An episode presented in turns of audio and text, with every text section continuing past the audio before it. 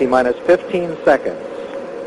The voice of launch control, Hugh Harris of NASA. T minus 10, 9, 8, 7, 6. We have main engine start.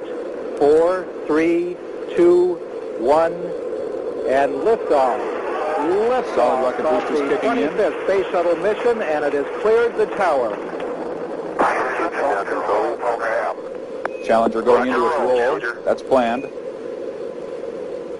My God. 1 minute 15 There's been an explosion. Velocity 2,900 feet per second. Altitude 9 nautical miles. Downrange distance 7 nautical miles. This is not standard. This is not something that is planned, of course. I can see a solid rocket booster has broken away from Shuttle Challenger. I cannot see the shuttle itself. I don't know if it's able to continue on one rocket booster. If it's able to jettison that rocket booster, it will be able to return to the Kennedy Space Center, perhaps. Obviously a major malfunction. I hope they were able to survive. I hope the We have no astronauts... downlink.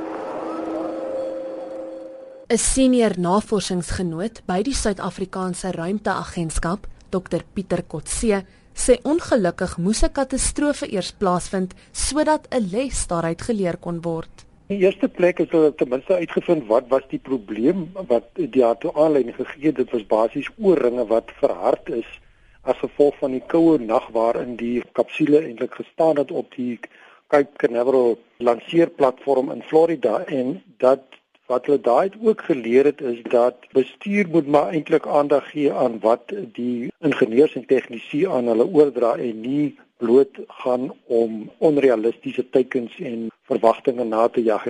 Ongelukkig moet mense nou maar daarmee akkoord gaan dat 'n katastrofe moes eintlik eers gebeur het voordat werklik daar nou gehoor gegee is en dinge geïmplementeer is en in plek gekry is om meer die veiligheid van die uh, ruimtevaders te verbeter en dat basies nou ons 'n meer veiliger omgewing het waarin ons uh, werk alhoewel dit nog steeds nie 100% risikovry is nie het die probleme en gevolge of gevare daaraan het redelik verminder maar dit bly nog steeds maar 'n risiko om die ruimte in te gaan Dit was 'n senior navorsingsgenoot by die Suid-Afrikaanse Ruimteagentskap, Dr Pieter Kotse.